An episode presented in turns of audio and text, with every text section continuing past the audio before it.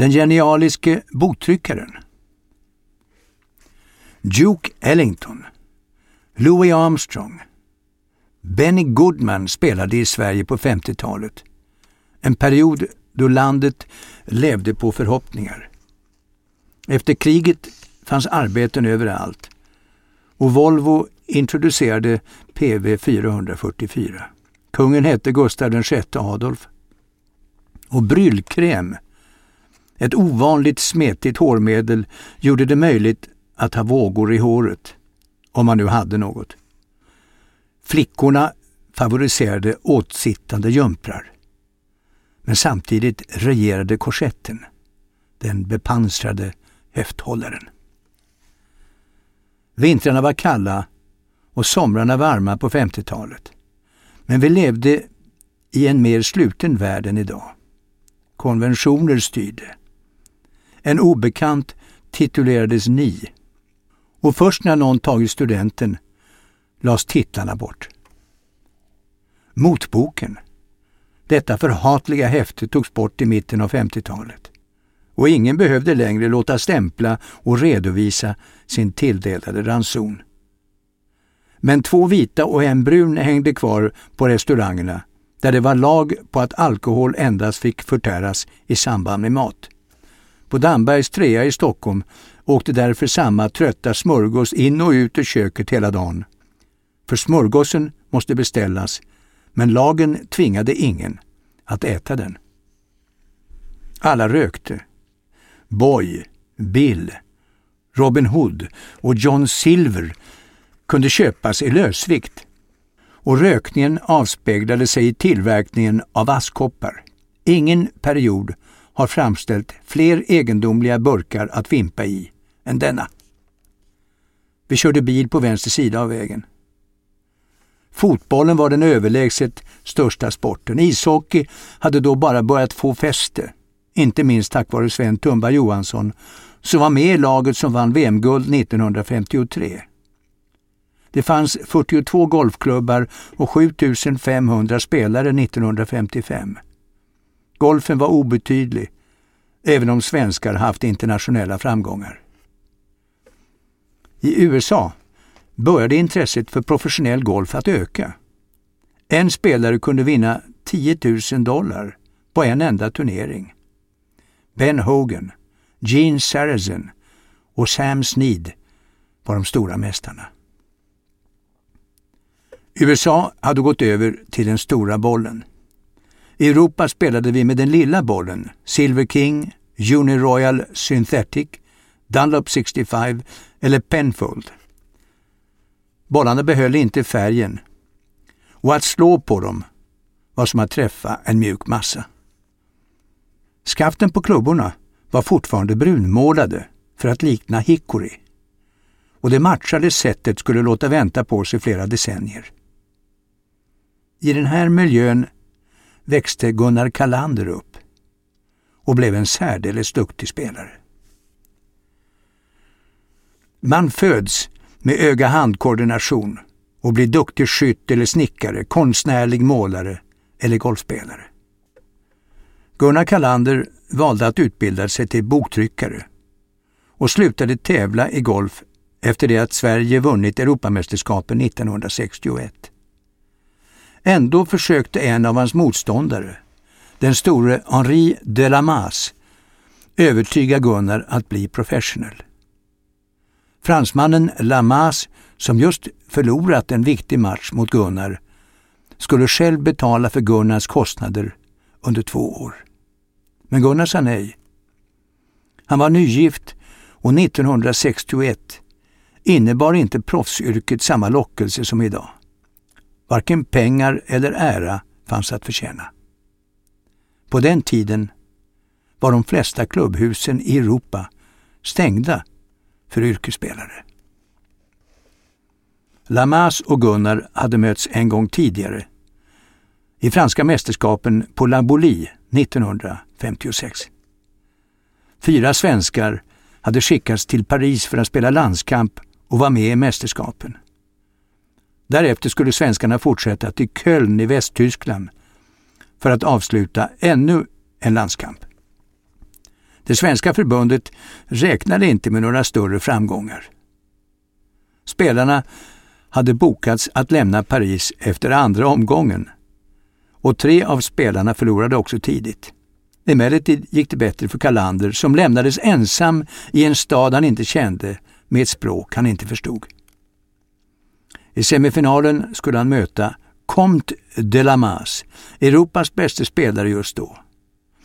Greve de la Mas hade redan hunnit vinna 25 franska mästerskap. Dagen före semifinalen hade det regnat och Gunnars skor var blöta, oanvändbara. Dessutom saknade han caddy. På den tiden bar svenska landslagsspelare sina klubbor själva och stod dessutom för en del av resekostnaderna. På Laboli fattade klubbens ledning sympati för svensken, utrustade honom med ett par torra skor samt en äldre dam som skulle bära hans klubbor. Inför en stor publik mötte han Solamas. I den andra semifinalen spelade för övrigt amerikanen Doug Sanders mot italienaren Bevione. Det var Sanders sista tävling som amatör. Lamas hälsade avmätt inför matchen och Gunnar toppade sitt utslag. Andra slaget duffades och därefter hamnade han i en bäck. Efter fem fruktlösa försök gav han upp hålet. På andra hålet, ett par tre, träffade Gunnar grinen och sänkte en putt på tio meter för vinst av hålet. Överraskande nog jublade publiken och Gunnar bokstavligen bars till tredje utslaget. Han insåg att Lamas saknade stöd av hemmapubliken, fransman som han var. Matchen gick till sjuttonde hålet där Lamas vann. Han var den bättre spelaren.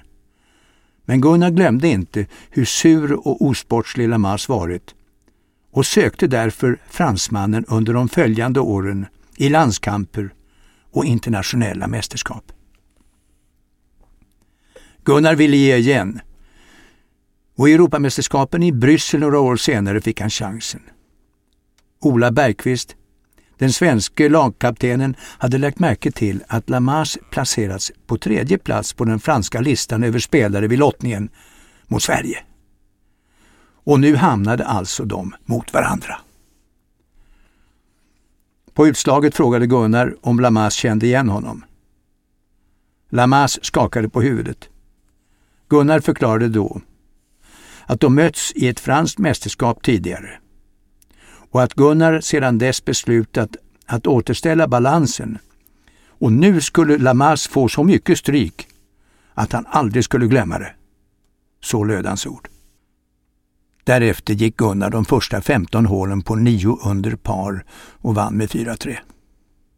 Lamas utbrast spontant att han aldrig sett en amatör spela bättre. Gunnar och Lamas blev bästa vänner. Lamas var sedan den dagen en annan och långt mer sympatisk person att umgås med. Efter att ha varit caddymaster och assistent på Stockholms Golfklubb och Djursholm flyttade Sven Nordström till Tylösand utanför Halmstad som professional. Det skedde 1938. Nordström var en liten gladlynt herre som trivdes bäst när han fått anledning att berömma andra. Sven upptäckte Kalander, vilket knappast kan ha varit svårt. Han lät honom också hållas, vilket var en välsignelse och ett prov på Svens goda omdöme. Sven har bara hjälpt Gunnar med greppet, lärt honom var han bäst placerar bollen i förhållande till fötterna samt att sikta. Sen fick Gunnar klämma åstad av hjärtats lust.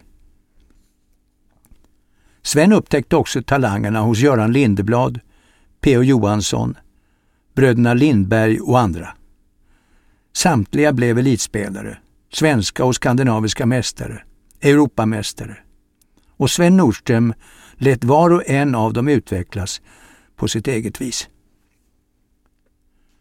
Familjen Kalander hade köpt en sommarstuga i Tylösand. Gunnar letade bollar och fick 50 öre styck för dem i shoppen. Han gick här med de andra, PO och Göran för det mesta. När de väntade på bärning spelade de det första hålet på södra banan. Ja, det fanns bara en bana i slutet av 40-talet. Och ett korthål till en kulle till vänster om första fairway. De hade själva klippt upp ett område som fick tjäna som green. Därifrån smet de över till nionde hålet.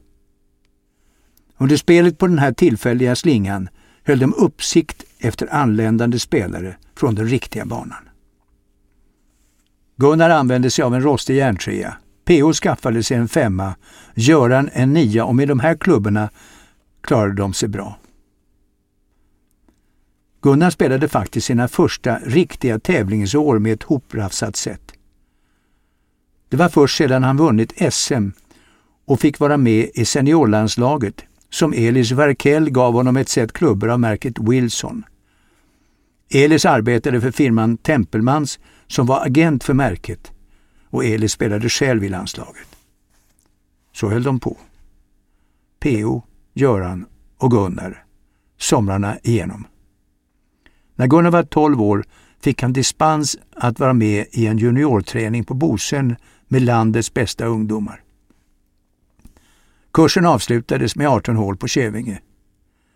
Gunnar gick runt på 76 och vann. Samma år, 1950, gick han också till final i juniormästerskapen. Men föll mot den betydligt äldre göteborgaren Håkan Järber. Sen skulle Gunnar vinna juniormästerskapen fem gånger. Det var Sven Nordström som gav pojkarna sin tid. PO, Göran och Gunnar gick i skolan varje lördag förmiddag. Därefter cyklade de till klubben och spelade två varv med Sven på eftermiddagen. På söndagarna hann de med tre varv, runt, runt, med Sven som fyrbåk eller stöd. Han höll sin hand över pojkarna och försökte oftast åka med när de tävlade någon annanstans. Efter blodbadet i Tylösand 1953 fick Gunnar Kalander åka till Carol's Trophy på Moore Park i England. I Tylösand hade Gunnar, 16 år gammal, debuterat i landslaget och Sverige hade då vunnit över Danmark med 9-0. Gunnar hade själv slagit en omtumlad Axel Pedersen med 11-10. Moore Park är en stor anläggning med ett slottsliknande klubbhus norr om London. Hit kom alla Europas bästa juniorer för att tävla mot varandra i åldersklasser. Den andra svenska deltagaren var Peter Nordvall, idag välkänd golfarkitekt. Gunnar och Peter fick klara sig själva.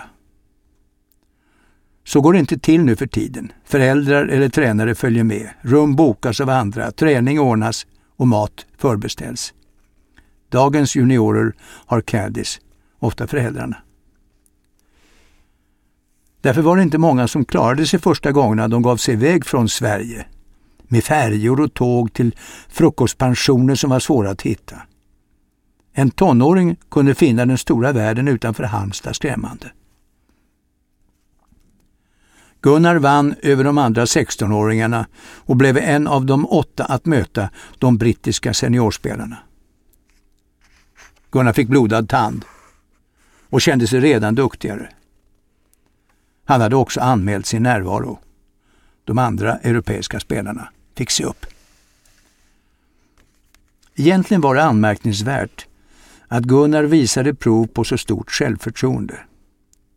Han var blyg och tillbakadragen utanför banan. Men han hade fått lära sig hur man gjorde av Sven Nordström. Och av Kalle Helén hade han fått sig en riktig läxa. Året före hade de spelat Ramlösa priset på Båsta. PO, Göran och Gunnar. Tävlingen avgörs över 36 hål på sensommaren och är fortfarande ett viktigt evenemang. Båstad brukar också vara i fint skick och de bästa spelarna söker sig hit. Sven Nordström hade inte tid. Istället åkte Kalle Helén med från klubben.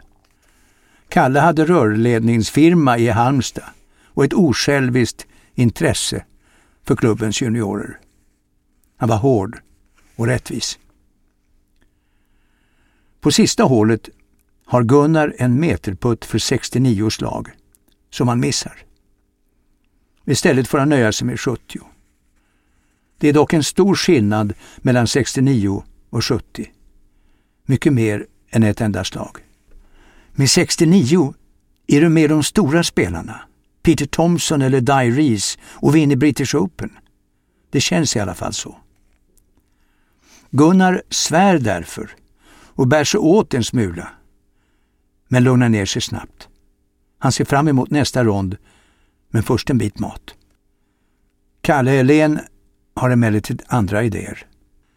Han höjer inte rösten, men säger bestämt till Gunnar att klä om sig och sätta sig i bilen. Maten får vänta. Sen åker de hem. Gunnar ledde efter den första ronden. Henry Longhurst var en kortväxt, nästintill korpulent engelsman som blev Englands mest kände golfskribent.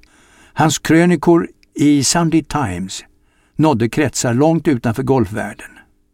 Longhurst kommenterade TV för BBC och tillbringade en period i underhuset som konservativ representant för valkretsen Acton i parlamentet. Framförallt vann han tyska öppna mästerskapen. Det skedde 1936. 20 år senare möter Longhurst den där svensken som så många lovordat.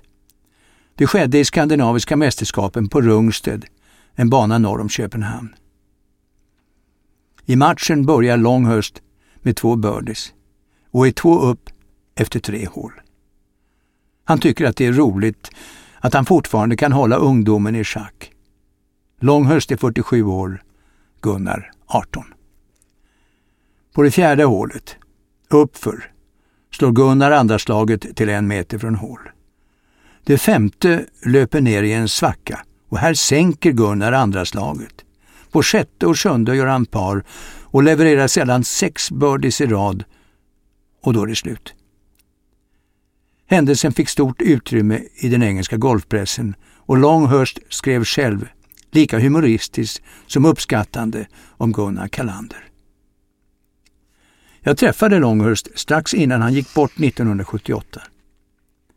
Han bodde i en gammal väderkvarn utanför Brighton. Han mindes hur han försökte få Gunnar att avsluta ronden.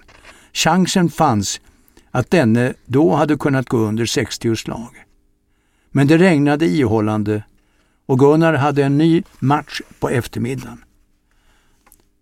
Som talang placerade Longhurst Gunnar tillsammans med de exceptionella såsom Sevi Ballesteros, Johnny Miller, Tony Lima, Tom Watson eller Michael Bonalak. Det slog mig att Longhurst bara jämfört med spelare som använde händerna och som var särskilt bra på att tävla. Bonalak, den femfaldige brittiske amatörmästaren, var ett bra exempel. Han hade en sving ingen ville kopiera. Ett ganska oskönt piskrapp. Men på och runt grinerna var han istället en konstnär, ett geni.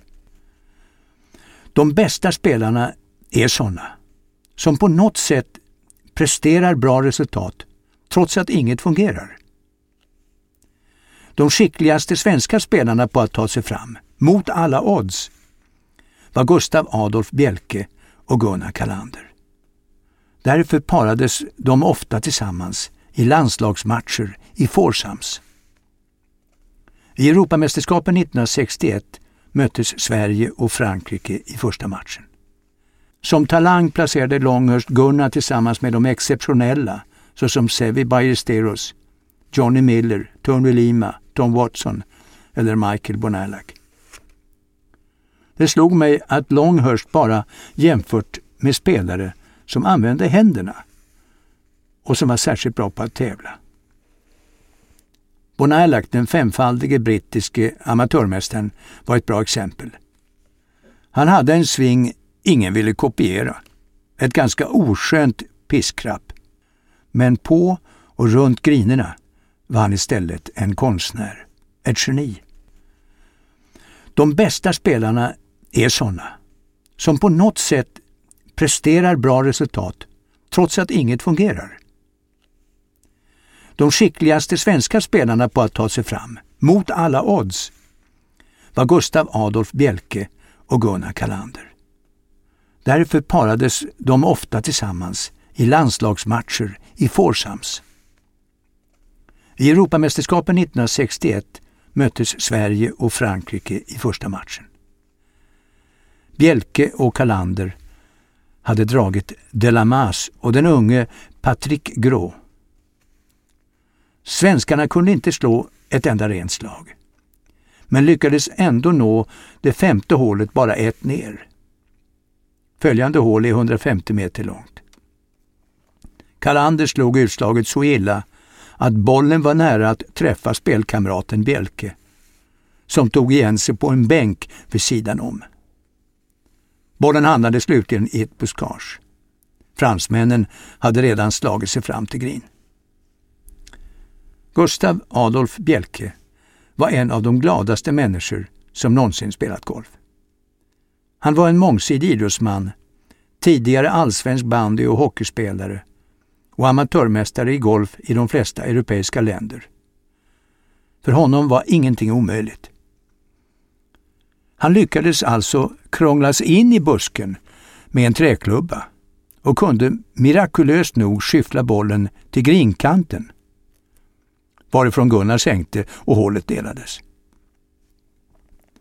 I denna anda fortsatte matchen.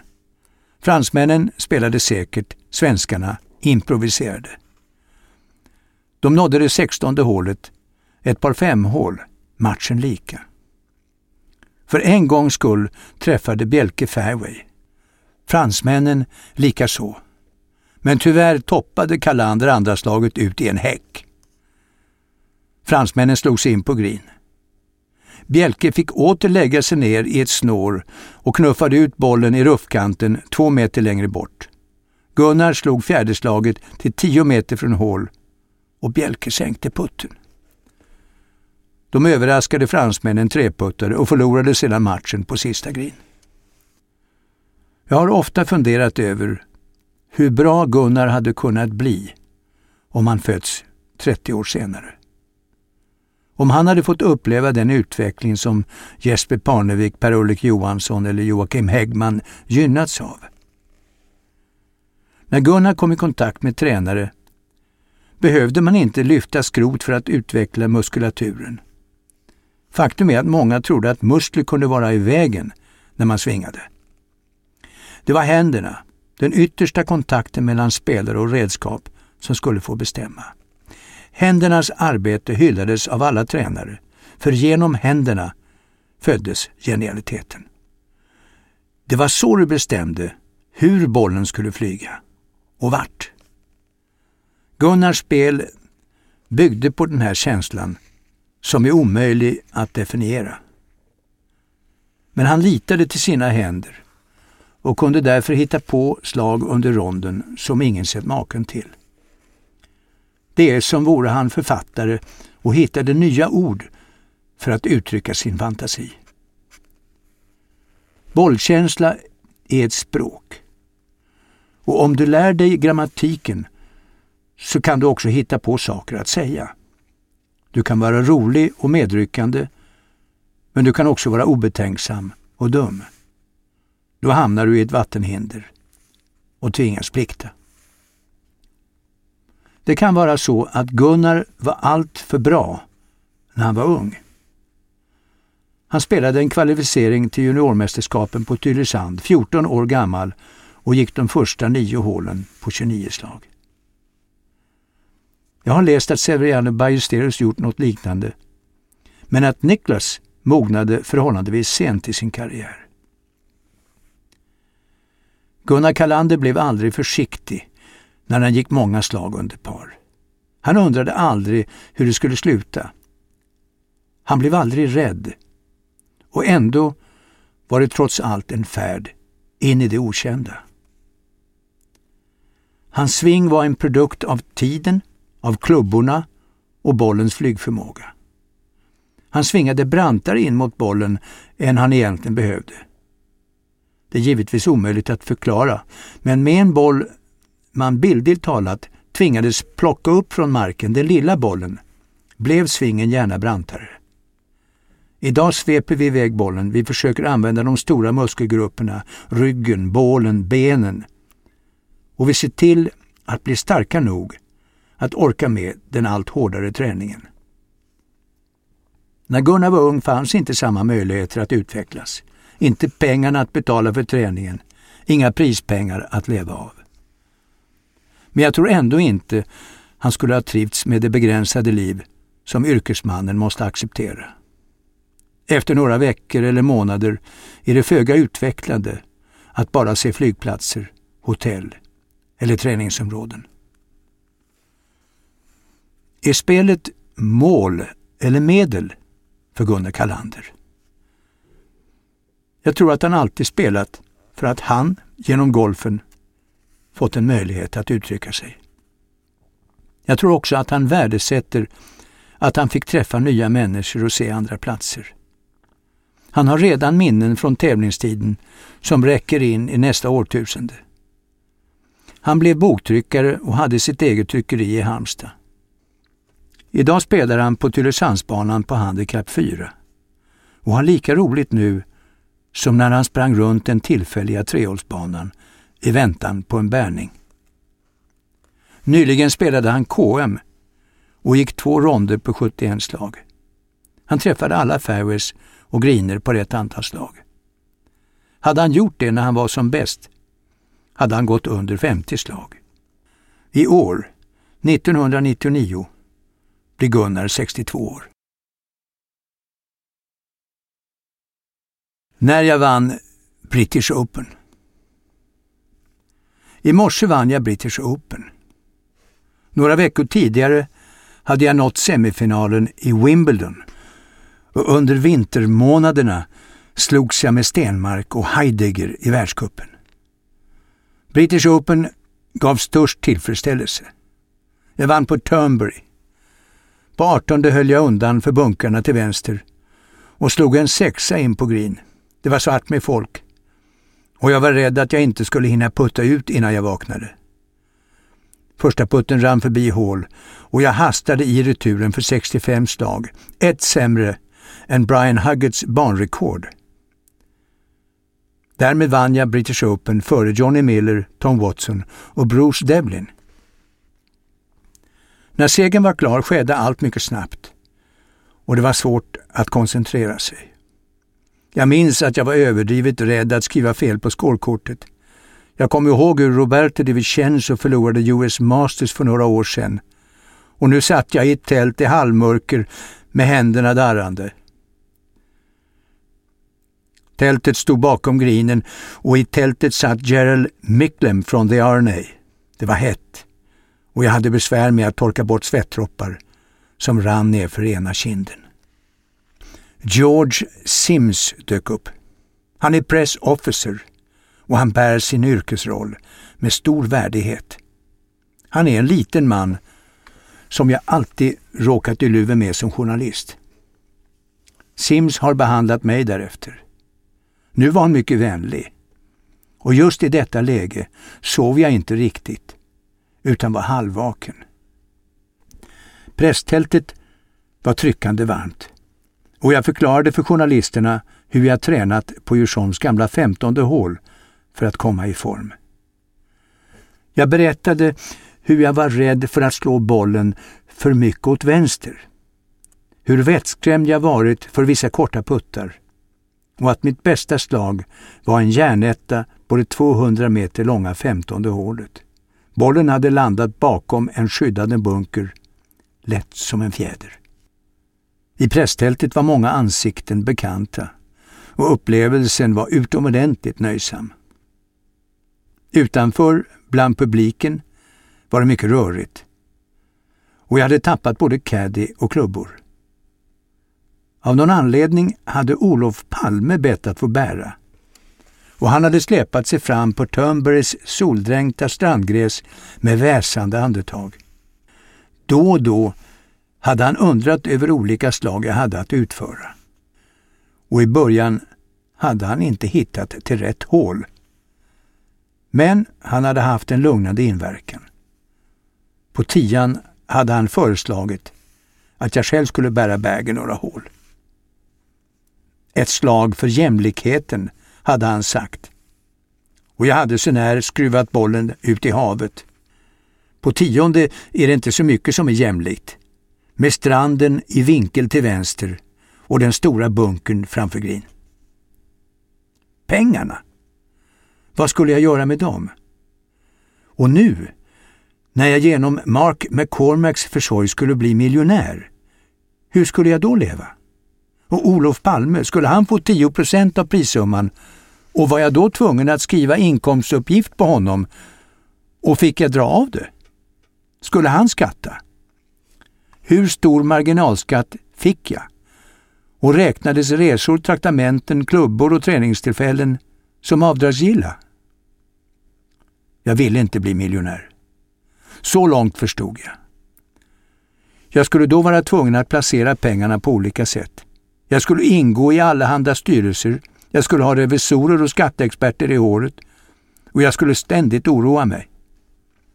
Troligtvis skulle jag glömma bort ATP-avgifterna och till sist skulle en våldsam restskatt driva mig till kriminalitet. Med tiden skulle jag lyckas rymma från fängelset och sen skulle man göra en film om mitt liv och så blev jag miljonär igen. Jag beslöt att inte ge Palme något. Att köpa en ny tvättmaskin till min hustru och skänka bort resten till någon ungdomsfond. Sen bestämde jag att aldrig mer vinna en professionell tävling utan att först ha gjort klart med ekonomiska rådgivare. Nu var jag också klarvaken och åt frukost. Det hade varit en krävande morgon. Trots detta besteg jag Mount Everest på vägen in till stan. Jag kom dock bara till Kumbuglaciären. Möte med historien Följ inte vägen dit den leder dig.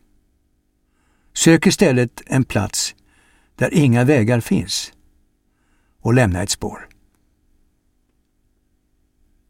Nisch är ett gammalt nordiskt ord för näs. Macri-Hanish betyder låglandet på näset. Det ligger på halvön Kintyre, väster om Glasgow, söder om de inre hebriderna. Utanför Kintyre hittar du öarna Islay och Gia mot Atlanten. McRehanish anses ha det bästa första hålet i golf. 380 meter långt, runt Makrehanishbukten. Om du satsar alltför optimistiskt, till vänster över stranden vid ebb och hittar bollen får du spela vidare. Om bollen hamnat i vatten, vid högvatten, döms den som liggandes i vattenhinder. Enligt Book of Leinster från 1100-talet skulle ett spel kallat Quich Poi har utövats av irländare på 500-talet. Quich Poi gick ut på att förpassa en stillaliggande boll ner i ett hål. Spelet introducerades i Macrehanish av Kukulin, den resande från Ulster, som också införde kamach eller curling. När jag prövade denna teori på Bobby Burnett, historieskrivaren på The Royal and Ancient Golf Club, skrattade han kluckande, inte olikt ett orrspel. Han påpekade därefter att det inte fanns några som helst belägg för det påstådda, men att han tyckte att det var en rolig historia. Bobby Burnett kräver dokumentation. Vid ett annat tillfälle citerade jag Cartesius. Jag tänker. Därför existerar jag. Han kom med flera invändningar och krävde avslutningsvis att få se pressbetyget. Normalt talar ingen om McRehanish. Jag litar nu på din diskretion och förutsätter att du inte för namnet vidare. McRehanish är ett litet samhälle bestående av en väg ut med vilken det ligger hus på ena sidan samt golfbanan och havet på den andra. Förr åkte man båt till Campbelltown och vidare med tåg 7 kilometer. Campbelltown var tidigare en fiskestad och gruvstad, centrum för whiskytillverkning. 36 destillerier fanns utspridda på sluttningarna ner mot fiskehamnen. Vattendrag rann ner för sluttningarna och blandades med torven som gav whiskyn den rökiga smaken. Idag finns två destillerier kvar och resan till McRahanish företas med flyg. Ett Biggelsplan från Glasgow med Logan Air till en tidigare NATO-bas som ligger vid nionde hålet. Landningsbanan är den längsta i Europa. Vi flög in klockan fyra på eftermiddagen då solen stod lågt. Skuggspelet mellan de stora sanddynerna och spelfältets djupare gröna färg förde tankarna till impressionistiska målare. Under inflygningen hann jag uppfatta åtminstone åttonde fairway mellan klitterna. Jag kände igen den sluttande grinen och nionde hålets utslag över den diagonala sandryggen och flög länge ut med det tionde hålet. Vid sidan om spelfälten vajade ljusgula fält med strandgräs och mörkare svingelarter. Hålet slingrade sig hemåt mot klubbhuset som vore marken dyningar från en tynande storm. Golfklubben instiftades 1876 och de första tolv hålen lades ut av Charles Hunter, vid tillfället medhjälpare åt Tom Morris på Prestwick. Tom Morris utökade banan till 18 hål 1879. Den gamle Tom bekände efteråt att han endast hade fullföljt skaparens intentioner. J.H. Taylor, engelsmannen, förlängde banan 1914. Men de hålen inlöstes av flyget under andra världskriget. Sin nuvarande form fick banan av Sir Guy Campbell, semifinalist i British Amateur 1907, roddare, cricketspelare och sonson till Robert Chambers som ritade de ursprungliga hålen på Hoylake i England. Campbell. Namnet har inget släktskap med Campbelltown, blev journalist på The Times och arbetade under Bernard Darwin, den första riktige golfskribenten. Men nu har jag redan landat på Campbelltowns flygplats. Jag tas om hand av Logan Airs representant, Margaret, dotter till Arthur Thompson och hämtas av Hector Thompson, innehavaren av The Argyle Arms Hotel, där golfklubben hade sitt inledande styrelsemöte 1876. Det sista jag ser när jag lämnar baracken invid den oändliga landningsbanan är tre burkar honung till försäljning. På etiketten står skrivet egenhändigt framställd av Arthur Thompson. Saker och ting hör ihop. Archie Thompson blev klubbens första professional 1920. En lågmäld lärare med en enkel idé om svingen. Långsamt tillbaka, ögonen på bollen, förivra dig inte och följ igenom. Archie flyttade till Glasgow 1926 där han öppnade en shop och golfskola. Sen blev han professional på Glyfada utanför Aten där han gick bort 1970. Archies son Hector blev brittisk amatörmästare 1936, den första skotte att lyckas med denna bedrift på 30 år. Efter en illuster karriär som amatörspelare blev han proffs. Även som sådan framgångsrik och arbetade i Kairo, San Moritz, Milano för att liksom sin far sluta på Glyfada i Aten. Hector, med sin svepande rytmiska sving, blev släktens störste spelare. Archies bror, Hector, tog över sysslan på McRehanish 1926 och slutade 1967 vid 91 års ålder. Hector började sitt arbetsföra liv i kolgruvan. men längtade till ljuset och vågade ta steget att bli golf professional. På den tiden var det helt oavlönat. Han kunde tjäna sin inkomst på att ge lektioner och på att sälja egenhändigt förfärdigade golfklubbor. Att lämna en fast anställning, om än vid gruvan, för en osäker framtid inom golfyrket innebar också ett stort steg neråt på den sociala skalan. Hector, som aldrig höjde rösten och som skred fram mer än gick, blev emellertid ålderman inom kyrkan och högt respekterad i trakten. Hector var en skicklig pedagog och lärde bland andra Belle Robertson att spela. Hon blev sedermera Skottlands främsta kvinnliga amatörspelare. Av Hectors söner blev Malcolm professional på William Wood Golf Club utanför Glasgow. James tillverkade klubbor och har nått stora framgångar inom denna del av yrket och hans son Hector har flera gånger vunnit klubbmästerskapen på Maclehanish. Arthur Thompson, Hectors äldste son, började i gruvan men lyckades tack vare en talang som fotbollsspelare få plats i Glasgow-laget Clyde. De spelade i division 1 och för det fick han fem pund i veckan. Samtidigt lärde han sig muraryrket. Arthur var tvåfotad, en stark och uppskattad anfallsspelare, bra skytt. Kriget ändrade alla förutsättningar. Men murare blev eftersökta och Arthur tjänade plötsligt åtta pund i veckan. Efter kriget gifte han sig och bosatte sig i Campbelltown, där han också hjälpte Hector att göra klubbor under vintermånaderna.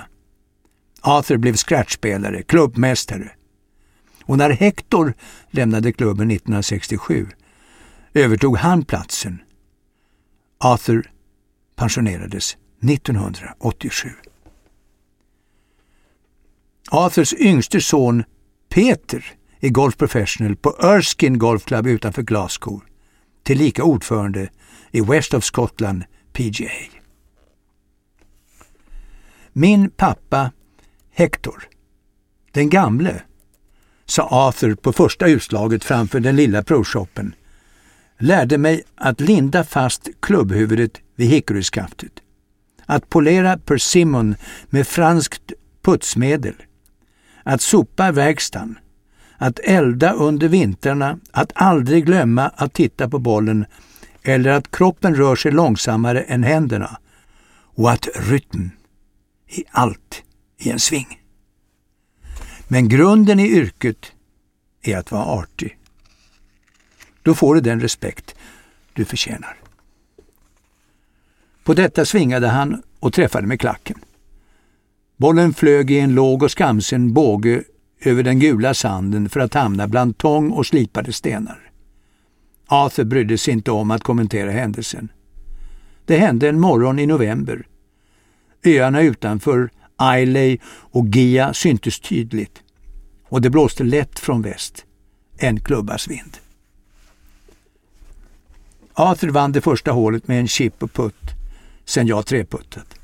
Resten av ronden följde samma mönster, en ren expeditionsaffär. Vårt enda sällskap var måsar, några vråkar och helikoptrar som landade på basen ute vid den punkt där banan vände tillbaka. Hur har spelet förändrats under de senaste 70 åren?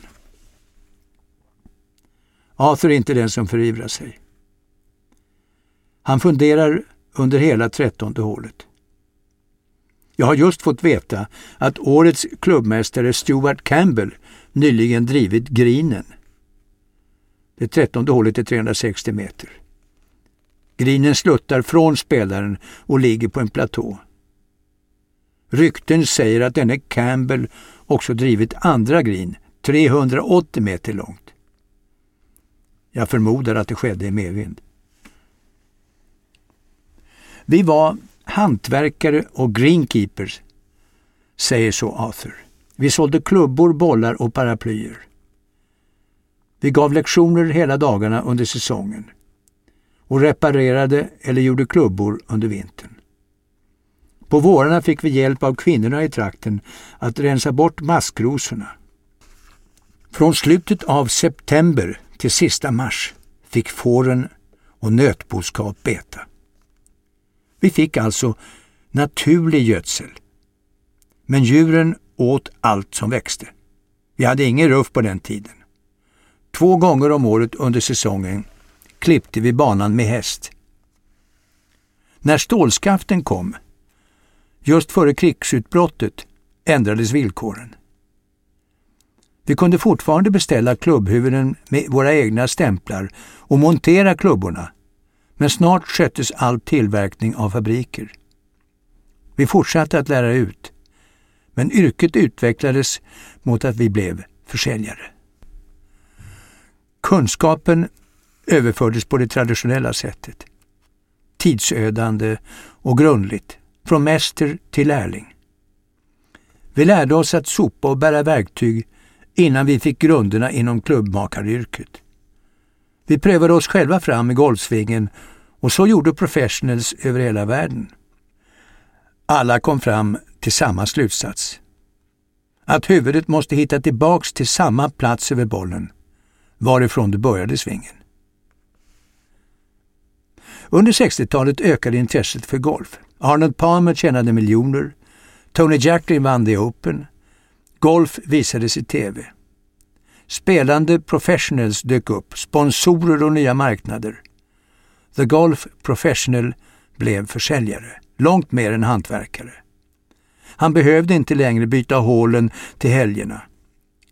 Sopkvastarna ersattes med dammsugare. Lärlingarna hade god skolutbildning och kunde utföra dubbel italiensk bokföring. Många började rita banor eller studera gräs. Jag slutade i tid, säger Arthur och rullar upp bollen på sista green över en svacka. Han klatschar till bollen med handlederna. Stansen är öppen. Det är ett slag som få skulle våga utföra i en tävling om den skulle gälla en halv miljon pund. Utvecklingen har sprungit ifrån mig. Det är bara en sak som kvarstår. Det går inte att utveckla bort artigheten. När vi skiljs får jag en burk honung med smak av ljung och törne som täcker sluttningarna ner mot havet. Macrehanish har sin egen smak.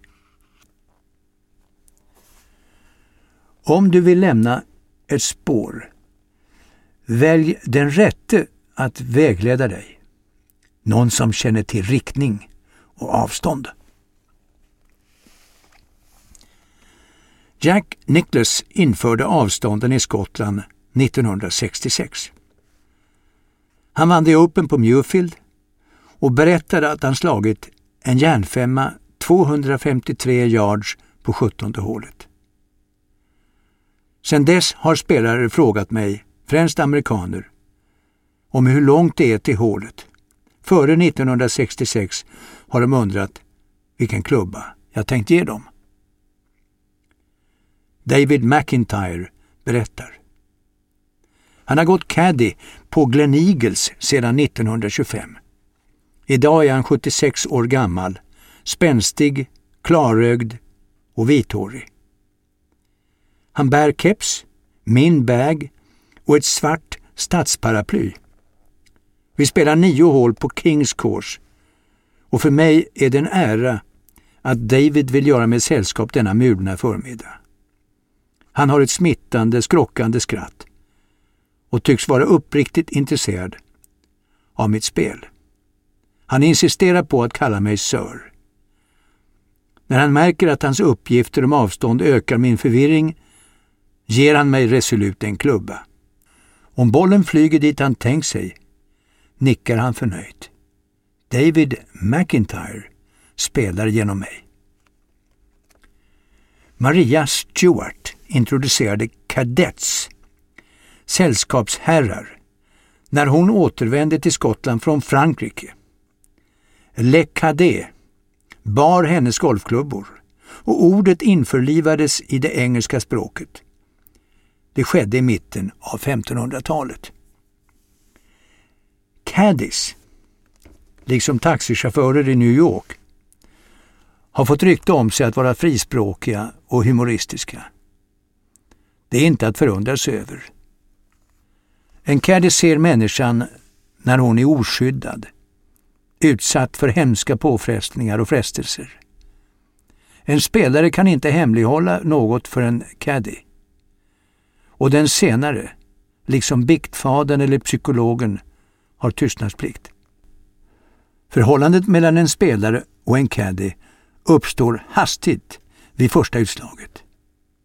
Relationen upphör efter ronden, men under fyra timmar måste spelaren lita på caddien utan förbehåll. När David började bära fick han en shilling och två pence för 18 hål. Idag är han master caddy och erhåller 17 pund exklusive dricks. Han har aldrig ångrat sitt val av yrke. Och han kan fortfarande bära två ronder en dag, men bara för goda vänner. Ibland bär han åt sin fru, medlem i The Dumbracken Golf Club som ingår i Glen Eagles. Ronderna med hustrun fungerar som värdemätare för honom. Hon siktar alltid långt ut till höger. David ser vad som kommer att hända, men yttrar sig inte om han inte är tillfrågad. När han når sista hålet kan han vara mentalt utmattad, men därefter kan ingenting få honom ur balans, inte ens den japan som insisterar på att spela ut det tionde hålet på 33 slag. David anser att han har en medfödd talang att översätta en spelares kapacitet till val av klubba redan på första hålet. Instinkten styr hans handlande och han tycker fortfarande att antalet yards till flaggan är ointressant. Men då räknar han inte yrkesspelarna. De behöver ett faktiskt underlag och sen fattar de sina egna beslut. Därför tycker David att det är roligare att bära våra bägar. Oss kan han hjälpa. En gång, fortsätter han, blev jag bjuden till 10 Downing Street. Jag bar alltid åt Macmillan när han var premiärminister. Min son, som var polis, stod vakt utanför hans bostad. Men jag åkte inte. Kanske borde jag gjort det. Men jag trivs mest med människorna på golfbanan. För det är min värld. Här passerar skådespelare, statsmän och miljonärer. Golfbanan förlikar, eller också är det ett ingenmansland där jag är guide. Förutsättningen är dock att ingen fuskar. Jag avskyr sånt och har avbrutit ronder. Fusket sölar ner allt umgänge. Jag förstår det inte. En annan sak jag inte förstår är att jag inte kan sluta säga Sir. Ändå är det många som har bett mig säga Jim eller Tommy. Jag försöker. Men det slutar alltid med att jag utbrister. Good shot, sir. David har välputsade funktionella läderskor med räfflade gummisulor. Han har gått två mil om dagen mellan påsk och november i 65 år. Han har hunnit lära sig en hel del om oss människor. Symbolen för Glen Eagles är en örn. Men Eagles är det gaeliska ordet egle som betyder kyrka. Glen är dal kyrka i dalen. Man säljer inte världens bästa hotell med ett kors emellertid. En örn är bättre. Samma örn lånades för övrigt ut till Lyland Scott för att fästas på deras tröjor. En företagsam tjänsteman vid Caledonian Railway, Donald A. Matheson, tillbringade en helg vid den vackra dalen Strathern i den sydligaste delen av högländerna. Han förälskade sig i floderna, i myrmarkerna, i de prunkande ljungsluttningarna, i lövskogen, småtallarna och de stora bestånden med ormbunkar. Han beslöt att låta bygga ett hotell som skulle gynna järnvägen. Runt hotellet skulle ligga en golfbana. Nej, fler golfbanor. Det var 1910. Hotell och golfbanor invigdes 1924. Gleniges döptes omgående till Gudarnas lekstuga. Hotellet kunde husera 350 gäster. Det blev snart placerat bland de bästa hotellen i världen. Ett av de riktigt stora slagskeppen tillsammans med Banff Hotel eller Lake Louise i Kanada, Palace Hotel i St. Moritz eller Hotel Angleterre i Nice. Gleneagles hade eget storband. Du kunde få kaviar vilken tid på dygnet som helst. Gästerna landade på gräsmattorna eller golfbanorna med egna flygplan. Rolls Royces trafikerade den smala vägen från Ochterarder eller Krif. Juveler blev stulna. Kungligheter lämnade utan att betala och servicen var felfri. Hotellet var sjukhus under andra världskriget och ingick därefter i British Transport Hotels, ett statligt företag. Verksamheten gick hyggligt, men ekonomin urholkades och Gleneagles förföll. År 1981 satsade staten på privatisering av vissa företag. Gleneagles bytte ägare. 50 miljoner kronor investerades och det stora huset, som det kallas av ortsbefolkningen, kom på fötter. Tre år köptes Gleneagles av Bells Whisky som ingår i Guinnessgruppen. Stora summor har satsat på en fullständig renovering. Ett ridhus under Mark Phillips byggdes och även en anläggning för lerduveskytte utöver tennis, joggningsstråk, gymnastik etc. etc. Jag hade nöjet att besöka Gleneagles 1964. Sängar, dörrar, parkettgolv och korridorer knirrade och knarrade. En arkad med butiker ringlade sig igenom hotellets innandöme. Middagen förtärdes i det fladdrande skenet av stearinljus. Och till frukosten överlämnades en portion ägg med bacon av en man som sannolikt var civilklädd generalmajor. Idag kommer varmvatten ur därför avsedd kran. Telefoner fungerar och dörrar kan stängas. Men kalvleven är sig lik, mör som smör och generalmajoren har blivit överbefälhavare. Det tycks som om knarrandet försvunnit. Men knirrandet har de lyckats behålla. Knirr går i arv. Knirr kan inte köpas. De första banorna, Kings och Queens, ritades av James Braid som bildade det stora triumviratet tillsammans med Varden och Taylor. De vann The Open 16 gånger tillsammans mellan 1894 och 1914. Braid, ursprungligen från Fife i Skottland, planerade minst 100 banor, bland andra Royal Troon, Royal Cromer, Blair Gowrie, Royal Burgess, Aberdovey. Han blev hedersmedlem i The Royal and Ancient Golf Club 1950 vid 80 års ålder. Braid tålde inte att åka tåg, båt, bil eller något som vaggade. Därför arbetade han efter topografiska kartor och tillsammans med John Stutt, som var byggnadsingenjör.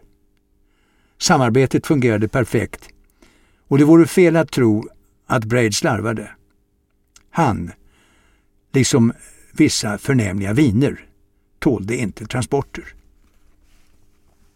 Kings Course, den längre och Queens, den mest kuperade, blev vida berömda och mycket omtyckta. I början av 30-talet ändrades banorna av C.K. Hutchison och Sir G. Campbell, samme Campbell som engagerat sig i McRehanish. Hutchison, krigshjälte, skridskoåkare, löpare, cricketspelare och runner-up i British Amateur 1909, hade hjälpt Braid vid flera tillfällen. Han bildade kompanjonskap med Campbell och de byggde många berömda banor såsom Asridge, där Henry Cotton var professional, West Sussex, Royal West Norfolk, Turnberry, North Berwick och Woodhall Spa. Fram till den stora fritidsexplosionen i slutet av 50-talet byggde strängt taget de bästa golfbanorna i Storbritannien. När utvecklingen skenade iväg, inte olikt vad som händer i Sverige idag, var det många som kände sig kallade, utan att ha tillräckligt stor kunskap. Följden blev en massa strunt. Banorna på Gleneagles står sig dock. Landskapet är vidunderligt vackert och grinområdena berömda med sina mjukt rundade bunkerkanter. Nu byggs en tredje bana, tänkt att användas till Bells Scottish Open i framtiden. Jack Nicklaus har fått förtroendet. Jag kan tänka mig att vore jag nygift och ville prova hållbarheten i äktenskapet kunde jag föreslå Glen Eagles. Vi kunde spela Kings Course för min skull, Queens Course för min hustrus. Och tålde vi båda The Monarch utan att bli oense så vore utsikterna goda för framtiden.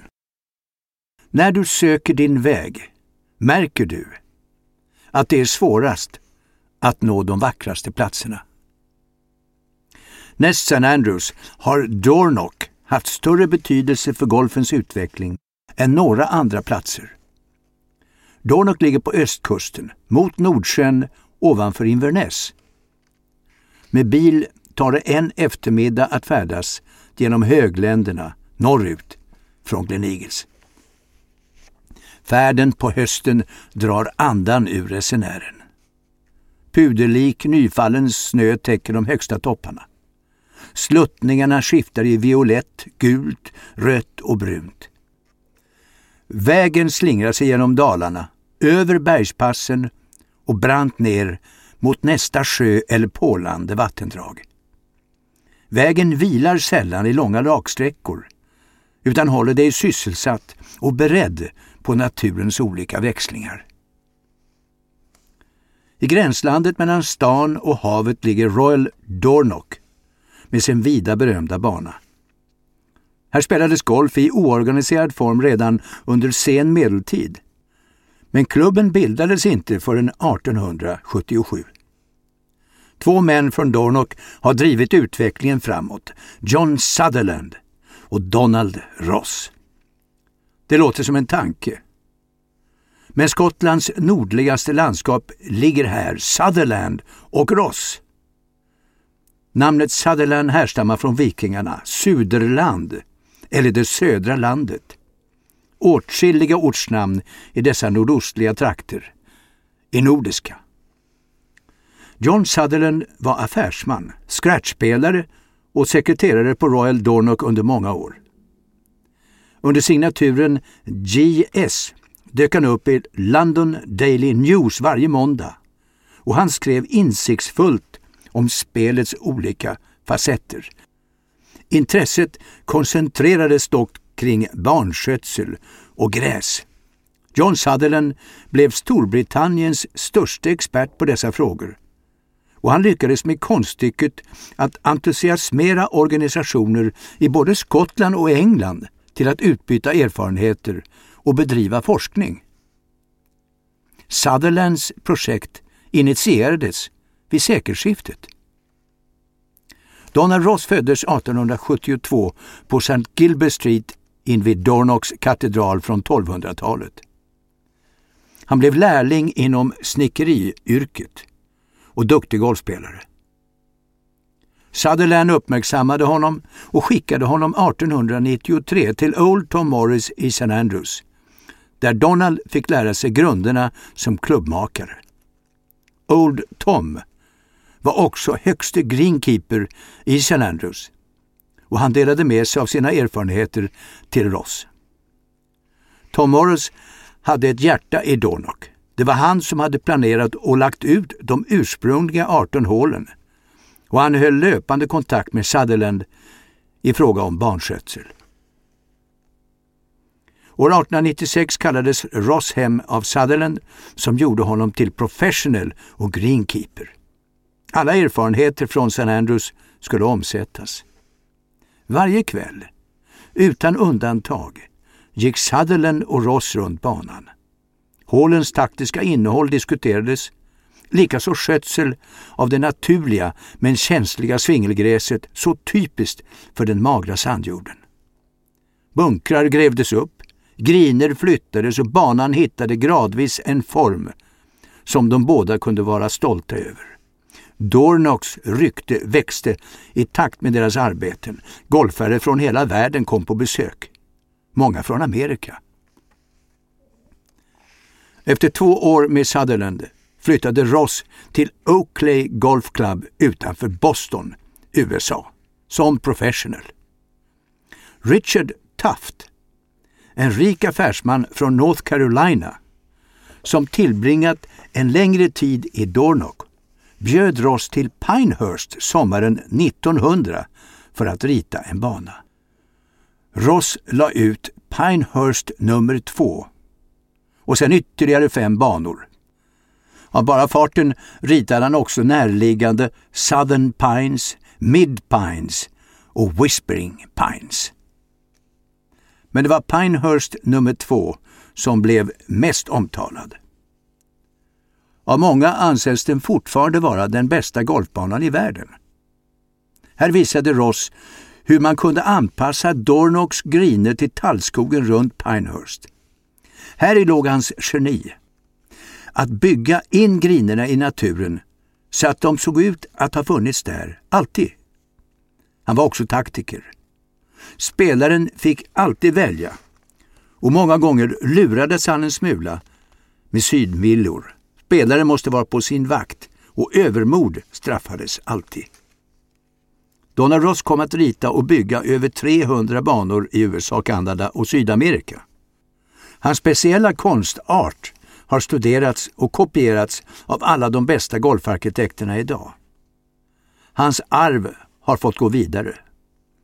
Men hans banor skiljer sig från dagens hårdsminkade skapelser, där grinerna ligger på öar, där bunkarna liknar non-figurativ konst, eller där vattenfall sprutar. Donald Ross var en tillbakadragen herre med lågmäld, finstämd humor. Hans banor präglades av personligheten. Jag har sovit oroligt. En man vid namn Holt från Åkneöarna är gäst på samma pensionat. Innan han gick för att sova berättade han att han spelade saxofon, tuba och flöjt på Åkney för att inte bli galen. Sen brukade han skrika i sömnen, inte tala. Han bar därpå om ursäkt och försvann. Dagen är kylig. En föraning av frost. Jag är på väg till ett möte med rektor McCullough, nu pensionerad och son till John McCullough, som var professional på Royal Dornock efter T-Day Curry, som efterföljde Donald Ross. Rektor McCullough var scratchspelare och han säger sig ha kunnat hoka en boll runt tennisbanan utanför klubbhuset. Det hade varit ett nöje förr i tiden när han var caddy och väntade på en bag. Efter honom träffade jag pastor James A. Simpson som givit ut sin andra bok Fler heliga skämt. Den första hette givetvis Heliga skämt. Pastor Simpson kan träffa mig i klubbhuset efter högmässan. Han har handikapp 9. Det ger mig tid att vandra ut till området framför 17 utslaget, där Skottlands sista häxa brändes 1772. Nyligen har de hittat en stor tysk kanon i dammen. Häxans damm. Kanonen monterades framför katedralen efter kriget 1945, men en natt blev några ortsbor så arga på den krigiska symbolen att de körde den hela vägen ut på banan. Hur de lyckades hiva kanonen i vattnet är ett mysterium. Kanonen väger åtskilliga ton. Å andra sidan hade de tydligen haft med sig stärkande medel. Efter lunch spelar jag med John Young, vars bakgrund är tankeväckande. John kommer från Glasgow. Han hade talang och vann både skotska juniormästerskapen och amatörmästerskapen. De senare mot Sandy Sadler i finalen på Carnoustie med 5-3. Därefter började han som resande i White Horse Whiskey. Det gav honom föga tid till golf och istället flyttade han till Dornock där han går caddy. Han är emellertid medlem i klubben. Vi ska ses till lunch. Kanske pastor Simpson följer med. Eller har han samma invändning som Tom Morris? Han stängde The Old Course på söndagarna. Och Tom Morris vilja gäller än idag.